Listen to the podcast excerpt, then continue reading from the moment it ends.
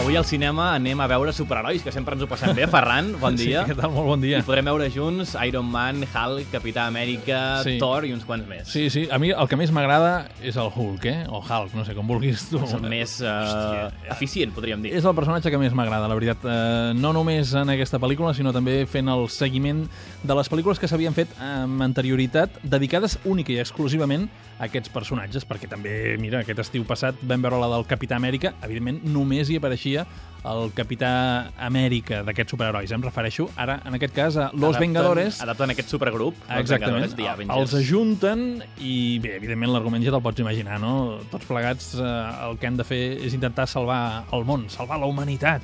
Ho aconseguiran, no ho aconseguiran? Què diries?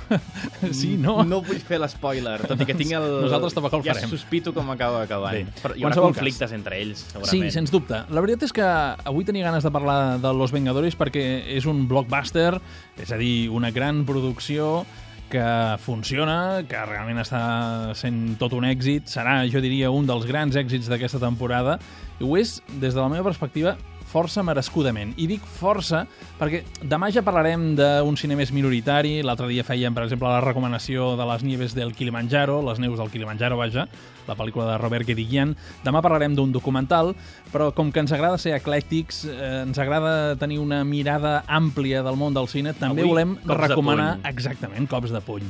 Però deia que és una recomanació així una mica neutra, perquè, home, jo m'esperava que Los Vengadores tingués una mica més de profunditat psicològica en tots els seus personatges i la història que s'hi explica. Perquè així passava en les pel·lícules, per exemple, de Hulk o del Capità Amèrica, no?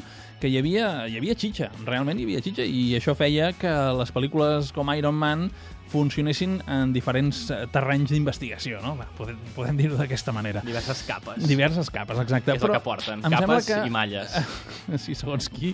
Per exemple, la viuda negra, Scarlett Johansson, masses capes no porta, eh? Però, clar, aquest, aquest també precisament és un dels al·licients d'aquesta pel·lícula, eh? Bé, en qualsevol cas, um, no sé, m'esperava un pèl més, tot i que és un entreteniment que funciona, que hi ha molta acció, hi ha molt ritme, hi ha una banda sonora d'Alan Silvestri que és realment extraordinària.